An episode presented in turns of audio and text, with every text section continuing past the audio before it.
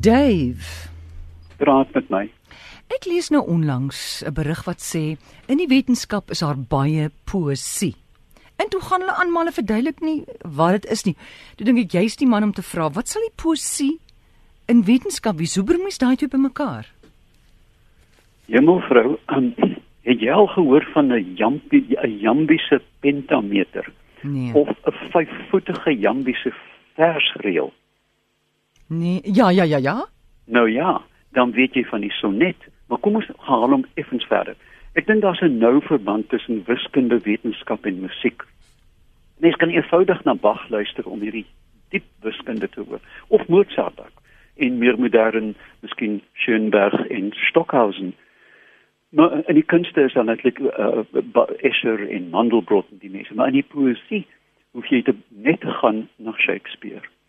Hy het hierdie beroemde lieflike sonnette geskryf. Nou 'n sonnet is uh soos ek vroeër gesê het 'n jambiese pentameter en dit beteken dat die digvorm is 4 verse, 4 verse, 4 verse en dan 2 onveranderlik en die ritme word ook streng wiskundig bepaal. Nou, ehm um, as jy dan begin kyk na al sy al die sonnette wat geskryf word, kan jy in enige taal kan jy die wiskunde daarin sien.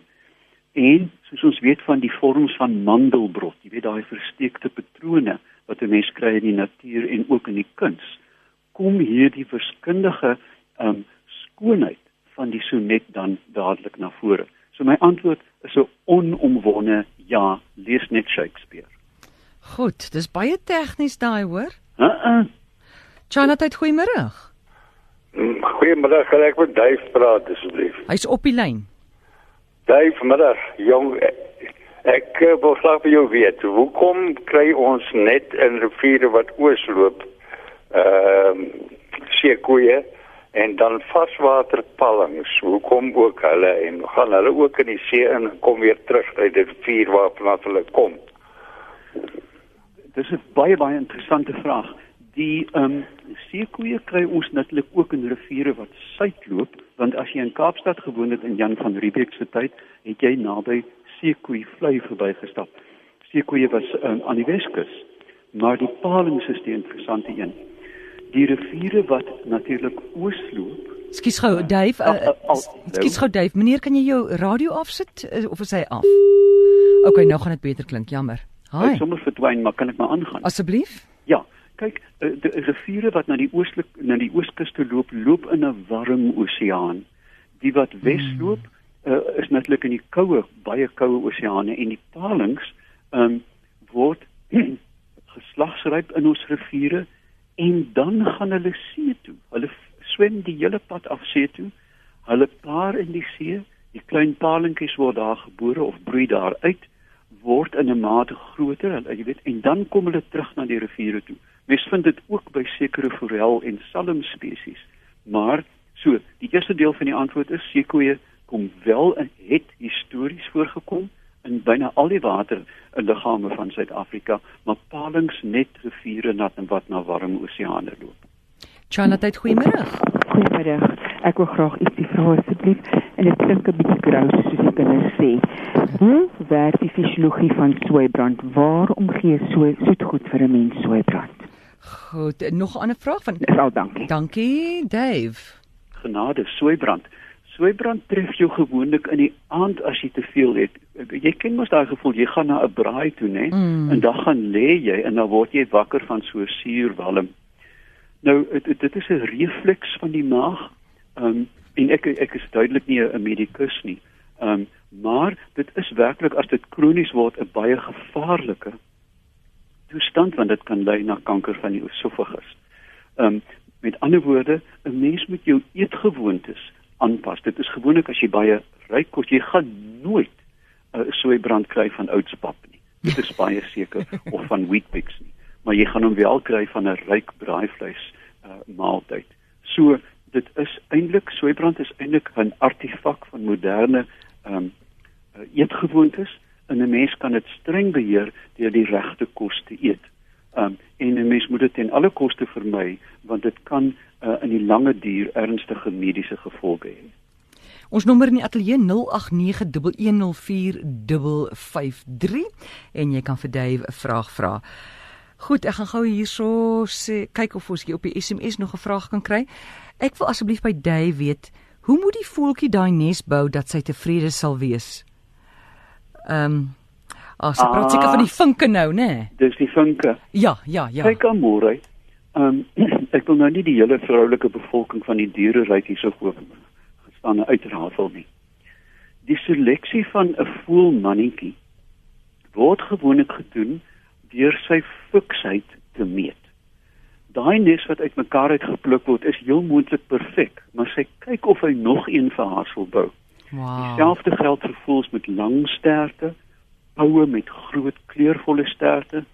Dit is ook hoekom mannetjies broeiklere kry net as hulle paar. Hulle verloor daai vere. Die broeivere het gewoonlik te doen met hulle vermoë om insekte eet wat die kleur verskaf, veral geel. Hulle moet rustus eet wat beta-karotien bevat en daarom as jy 'n vink vat en jy tipex hom. Uh, na 'n ander kleur, te kyk die wyf is glad nie na hom nie. As jy sonroom aan 'n vink smeer, dan ja. kan hulle van die kleure nie sien nie, veral in die ultraviolet. En hulle kyk by hom verby al is sy ehm um, wat is 'n baie mooi woord vir knaters wat ek nou byna gevra het, maar daar het jy dit nou. Testicles. So tennisballe. Ehm ja. um, as hulle nie die regte ding en die regte gedrag sien nie, kyk hulle by hom verby en hulle toets die mannetjies gereeld. Sjoe, ek is so spyt dat daai wonderlike beginsel van die diereryk tot die mens alhoewel ons is ook mos maar 'n bietjie van die diereryk dat dit verlore gegaan het, né? Dit het nie verlore gegaan nie, Amorey. Hoekom het manspakke lapelle in? dis om sy skouers te laat breër lyk. Goed, ja, maar ek praat van die ding, sy vernietig daai nes. Ja. Nie maar daar iets mee fout is nie, maar net om te kyk of hy uh, vir haar die tweede myl sal stap. Maar maar eenste. Ehm um, ek weet soms mag daar 'n tegniese foutjie wees want af weet sy moet tog die eiers lê. Ehm um, hy gaan niks daarmee te doen nie. ja, maar ja. die die die hooftoets is hier is fiksheid. Ja, ek dink dit sal baie minder huwelike wees as vroue voor die tyd uh die manne bietjie uitdaag net om te kyk of hy bereid sal wees. Jy weet daai 10 sakke sout saam eet? Amore so bek met jam kry. Ons trou te maklik. Ja. Heel te maklik. Ons trou om soms om die verkeerde redes, jy verstaan. En kyk, ons daar is sekere konvensies wat sê jy gaan nie met jou niggie of met jou suster trou of wat ook al nie. Dit verstaan 'n mens. Maar ek dink dat mense 'n kombinasie van jou intellek wat deur jou kurasie uh, gekook is, mm. besluite te gou neem en dat 'n mens eintlik 'n bietjie meer deeglik moet kyk. Is hierdie man wat ek as my man wil hê van die vrou se kant af, is hy die kwaliteit om my kinders groot te maak? Want dit is 'n verskriklike taak, jy weet kinders maak jou mal. Ehm um, kan ek getuig. Mm. Ehm mm. um, so ek ek dink dit is 'n baie interessante opmerking wat jy maak dat ons baie meer krities na ons lewensmaats moet kyk. Uh, maar jy weet uh, mens beklei mos nou nie met uh, met kurasie nie. Ja ja, dis waar. Charlotte, goeiemôre. Goeiemôre almore. Ek wil graag vir Dave 'n vraag vra omtrent die tuin. Uh ek het die raad gekry om sunlight seep op te los in my uh water en dan die bome en die uh plante daarmee te spuit. Uh want ek wil graag uh omgewingsvriendelike ding spuit vir my voëls en die diere en almal in die tuin. Ek wil graag weet of daar enige waarheid in steek en of 'n mens die sunlight seep met enige ander seep of so iets kan vervang. Ek luister by die radio baie, dankie. Goed. Ja, daar is eh, kyk, dit gaan nie vir alles help nie. Dit gaan byvoorbeeld nie vir 'n swamsiekte soos roesplaag, maar dit help beslis vir plantluise. Want die oppervlakte spanning van die luis word so belemmer dat hy letterlik afval. So, ek dink as jy weet wat jy behandel, kan 'n seepoplossing enige seepoplossing eintlik. Ek weet jy gaan nou nie jou duurste badseep gebruik nie, maar enige huishoudelike seep kan gebruik word veral vir plantluise. En, en en dit is onskadelik as jy hm. dit teen die regte konsentrasie gebruik. En wat sal dit wees?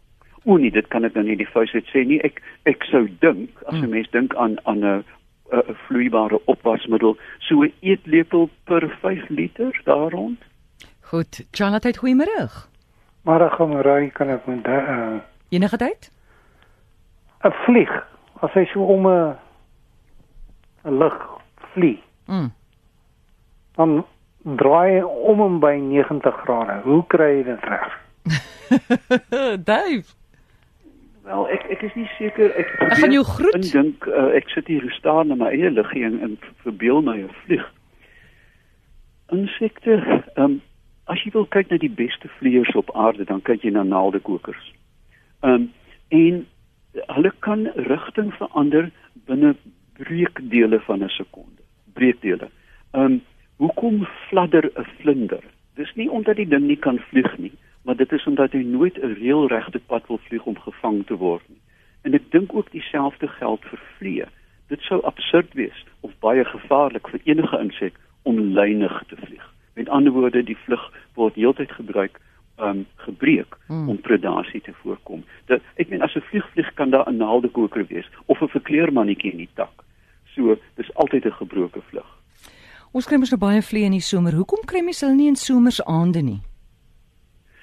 Vliee is nie eintlik noodwendig in die aande aangetrokke te lig nie. Dit is waar die nocturnidae, die die motte veral Ah. aangetrokke is en uiteraard ook hoekom jy dan gytjies om jou lig kry. Hoekom kry ons nie vliee in die winter nie? In die winter nie want dit is te koud vir hulle larwes om uit te broei vir die maaiers. Goed, nog 'n vraag. Charlotte, goeiemôre. Môre. Ja, Hallo dan asseblief as ek my radio af. ons wag vir jou.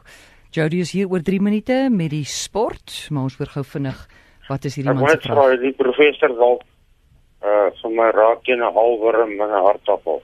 'n Halwurm, Alwer. Halwurm. alwurm en 'n aardappel. Ja. Al ja. ek ek, ek het so 'n paar al uh, hartappels Ja. en die tyres geplant. Nou ek ek hoor die halwurm gaan hulle aanval. Ek wil net raak hê asseblief baie dankie ek luister tot sien.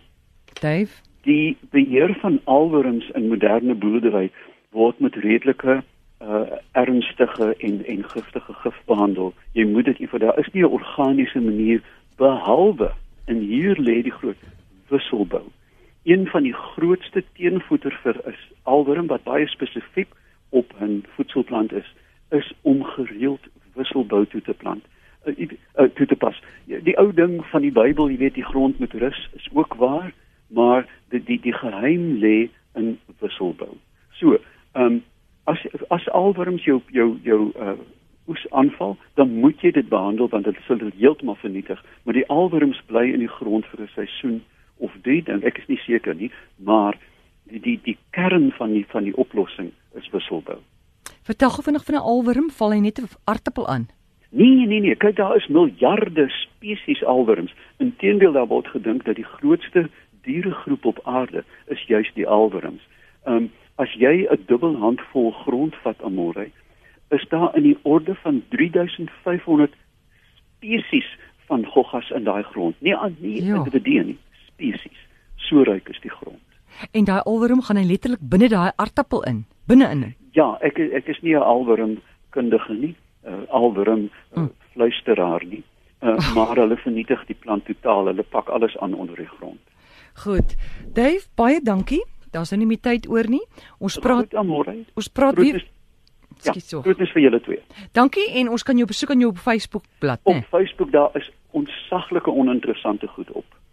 O, goed, ek sommer nou daar.